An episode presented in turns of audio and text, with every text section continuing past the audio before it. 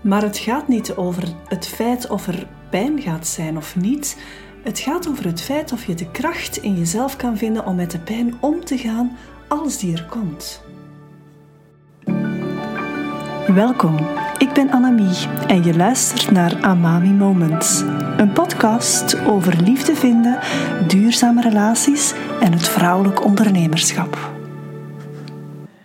Vandaag praat ik jou door een aantal uitdagingen waar ik zelf mee geconfronteerd werd toen ik single was.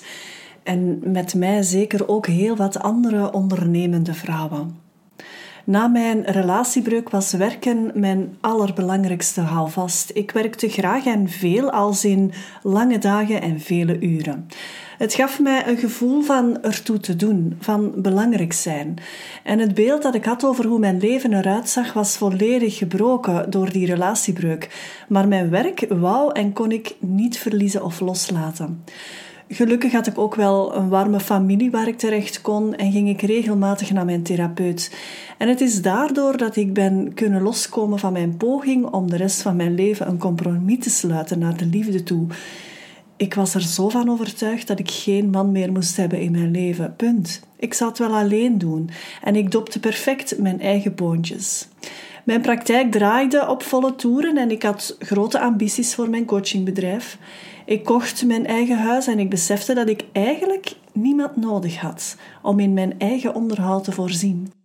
Daarbovenop kwam het besef dat ik het eigenlijk wel goed had alleen. Niemand om mij aan te moeten verantwoorden, mijn eigen keuzes maken, geen rekening moeten houden met iemand anders. Eigenlijk ging mij dat wel goed af en het gaf me een enorm gevoel van vrijheid. Dus ik begrijp vrouwen die zoiets hebben van, goh, voor mij moet het niet meer. Tot mijn therapeut mij op een bepaald moment vroeg, goh Annemie, je bent nu zo druk bezig met je praktijk en zo, wat wil je bereiken met het leven dat je aan het creëren bent voor jezelf? En ik moet toegeven dat die vraag wel binnenkwam.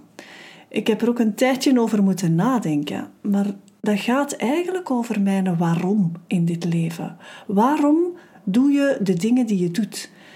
En in mijn geval was de vraag: wat motiveert mij? Wat is mijn waarom?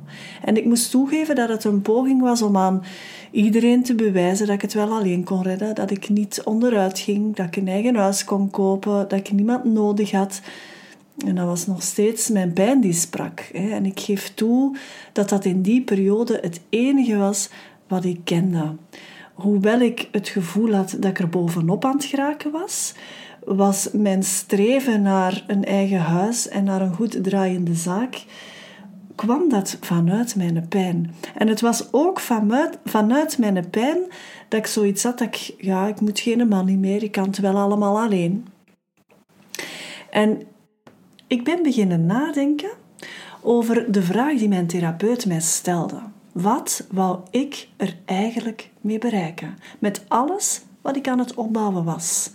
En het antwoord was dat ik, dat ik het wou kunnen delen. Ik wou iemand waarmee ik mijn successen kon delen, maar ook mijn moeilijke momenten. Iemand die mijn werk begrijpt als ondernemer, iemand die mij steunt en iemand waarmee ik mijn levensvisie kon delen. Ik besloot om te luisteren naar die liefdesroep in mezelf en dat was een eerste uitdaging voor mij. Antwoord vinden op de vraag: wat wil ik? Wat is er mogelijk voor mij? En alleen als je echt die liefdesroep terug toelaat, kan je antwoord geven op die vragen in functie van een potentiële relatie. Want ik heb geen man nodig die mij financieel moet onderhouden, zoals dat enkele generaties geleden misschien wel was. Ik heb iemand nodig die mijn werk begrijpt, die me de ruimte geeft om mezelf te ontwikkelen. En ik herken dit bij veel single vrouwen die een eigen zaak hebben. Ze geloven niet dat er iemand bestaat die hun drukke leven begrijpt. Of ze denken dat ze er wel voor openstaan, maar ze vragen zich af waar ze de juiste persoon kunnen vinden. Of ze geloven dat ze er beter af zijn zonder een liefdespartner. En hoewel ik die keuze zeker respecteer, vraag ik me toch af vanuit welk deel in zichzelf dat ze dat besluit nemen. Niet dat het altijd zo is, maar al te vaak is het vanuit de pijn die er ergens nog zit. Het gevoel niet goed genoeg te zijn, of de angst om terug in een destructieve relatie terecht te komen, of er gewoon ook niet meer in geloven dat liefde voor hen is weggelegd. En dat is pijn, punt. Opnieuw een relatie aangaan, dat vraagt moed. Het is een uitdaging om jezelf weer open te stellen voor iets nieuw, ondanks de pijn die je hebt meegemaakt.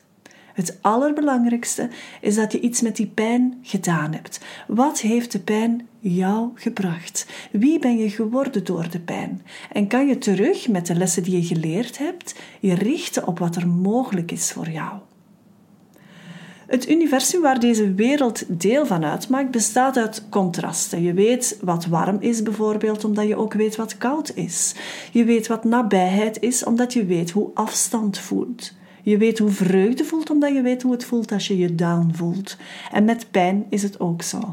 Maar omdat we geleerd hebben dat we niet alles kunnen hebben in het leven, of je hebt gehoord dat je je lat niet te hoog mag leggen, of je hebt het gevoel gekregen dat je niet de moeite waard bent, noem maar op, dat zorgt ervoor dat we gericht blijven op die pijn. Maar stel je voor dat je naar de andere kant van het contrast kijkt weg van de pijn. Wat als je jezelf de kans geeft om vanuit mogelijkheden te gaan redeneren in plaats van beperkingen? Wat als je vertrekt vanuit dat wat de pijn jou geleerd heeft, wie je geworden bent door de pijn? Dan overstijg je de pijn en dan ga je naar de andere kant van het contrast evolueren een nieuwe relatie aangaan en je hart weer openen wil ook zeggen dat je bereid bent om eventuele pijn of verlies erbij te nemen. Maar het gaat niet over het feit of er pijn gaat zijn of niet. Het gaat over het feit of je de kracht in jezelf kan vinden om met de pijn om te gaan als die er komt. Ken je jezelf goed genoeg om te weten dat je, ondanks de pijn, ondanks wat er kan fout lopen, dat je die pijn altijd weer terug te boven komt? En daarover gaat het. Een andere uitdaging is om wat je wil en wat je ziet voor jezelf, dat wel mogelijk is voor jou, om daar echt op te blijven vibreren. En dat wil zeggen dat je elke gedachte die jou mogelijk saboteert in die mogelijkheden, dat je die de kop indrukt en omtunt naar een gedachte die in lijn staat met wat je echt wil voor jezelf. En die winnersmindset die je ook in je werk nodig hebt, ga je ook in je liefdesleven moeten installeren. Je gaat de blik vooruit moeten richten op wat wel kan voor jou en niet blijven hangen in de pijn die je al ervaren hebt. En dan creëer je de juiste vibratie om een liefdespartner aan te trekken die jou en jouw werk begrijpt en die een aanvulling is voor je leven. Er zijn ongetwijfeld nog meerdere uitdagingen en ik hoor graag van jou wat jouw grootste uitdaging is op dit vlak. Neem contact met me op als je graag hulp wil bij het doorkomen van die pijn, bij het overstijgen van die pijn en bij het vinden van nieuwe liefde.